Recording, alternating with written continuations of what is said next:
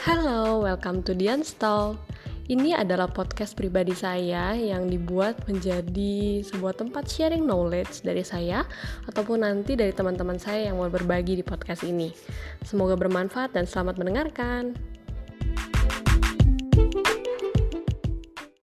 Di podcast kali ini saya akan membahas tentang find your passion. Nah, sebelumnya kita pengen tahu dulu nih, passion tuh apa? Nah, passion tuh adalah sesuatu yang bener-bener pengen lo lakuin dan kalau bisa lo ngelakuin itu tanpa dibayar pun nggak apa-apa gitu. Lo happy ngelakuin hal tersebut. Itulah yang saya sebut sebagai passion. Lalu passion saya apa? Passion saya adalah mengajar. Mengajar adalah sebuah kebahagiaan buat saya. Mau dibayar maupun enggak lo kok bisa nemuin passionnya? Kalau saya nemuin passion tuh memang um, udah rada lama sih. Memang saya dari uh, kecil seneng tuh ngajar-ngajar gitu pura-puraan jadi guru gitu ya. Terus berlanjut sampai dengan agak gede gitu lagi SMA saya sempet diminta untuk guru menjelaskan karena dia nggak bisa ngejelasin teman-teman tuh pasti nggak ngerti. Yaudah deh kamu jelasin aja dia coba jelasin ke teman-teman. Lalu saya jelaskan di situ ke teman-teman dan mereka mengerti wah gila happy banget itu. Maksudnya ketika guru aja nggak bisa ngejelasin tapi saya yang jelasin tuh teman-teman ngerti gitu. Jadi dari saat itu saya menyadari kayaknya memang saya punya bakat atau passion di mengajar. Lalu saya kepikiran untuk jadi seorang guru. Tapi untuk jadi seorang guru tuh nggak gampang. Dia harus ambil sarjana pendidikan kemudian lagi itu ada sertifikasi namanya akta 4 kemudian saya berpikir untuk mengambil sarjana ekonomi supaya apa? Ya pengen aja gitu. Siapa tahu kalau misalnya berubah gitu ya nggak nggak jadi guru tapi bisa jadi uh, pengusaha di mana gitu atau misalnya jadi karyawan di mana gitu.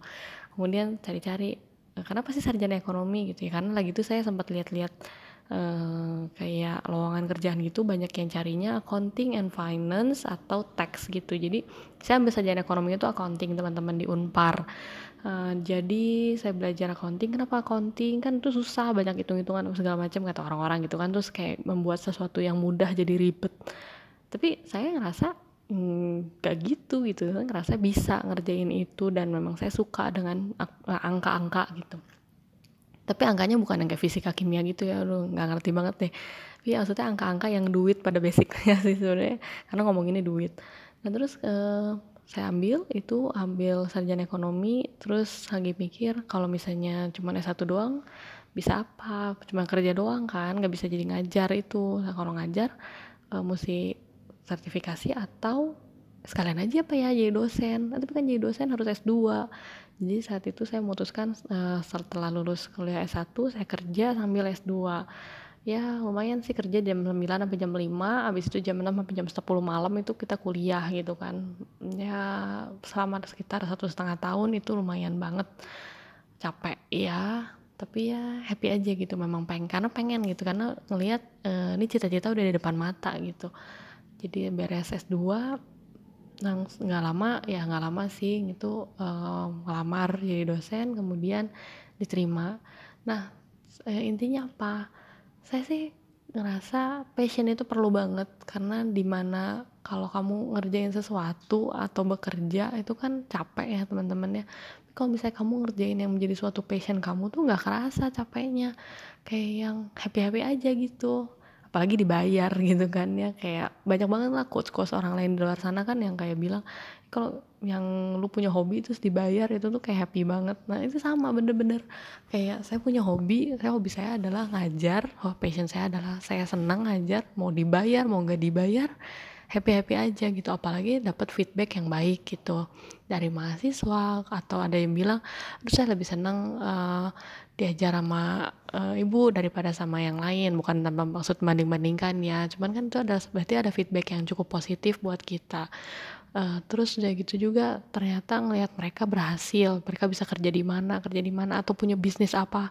Misalnya anak baru masuk gitu ya, anak baru masuk terus konsultasi, kemudian dia tiba-tiba bikin bisnis itu satu yang membuat saya happy banget yang wah kamu nggak perlu lulus S1 juga udah bisa punya bisnis gitu kan keren banget. Terus ya uh, mereka bisa lebih hebat daripada saya gitu.